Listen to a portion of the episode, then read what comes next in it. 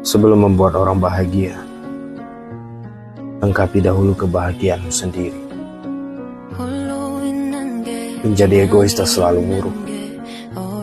Jika terlalu sulit, pikirkan saja kebahagiaanmu sendiri. Aku dulu mencari seseorang yang bisa memotivasiku, mendukungku, dan menginspirasiku.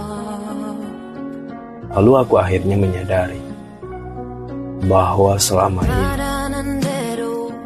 aku mencari diriku sendiri.